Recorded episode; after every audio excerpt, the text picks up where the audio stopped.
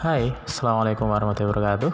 Nama saya Abdul Rojak Hakiki Asal dari Lamongan.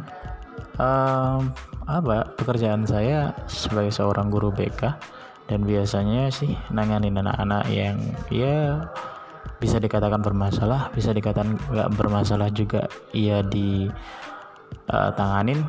Dan saya juga berada di asrama ya. Jadi sekolah ini adalah salah satu sekolah boarding school di Tuban uh, tempat saya bekerja ini juga ada asramanya. Saya juga menangani kasus anak-anak juga.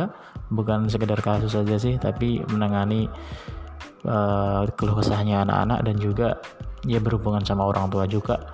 Jadi semuanya ya masih berhubungan lah. Uh, mungkin cukup itu aja. Terima kasih. Selamat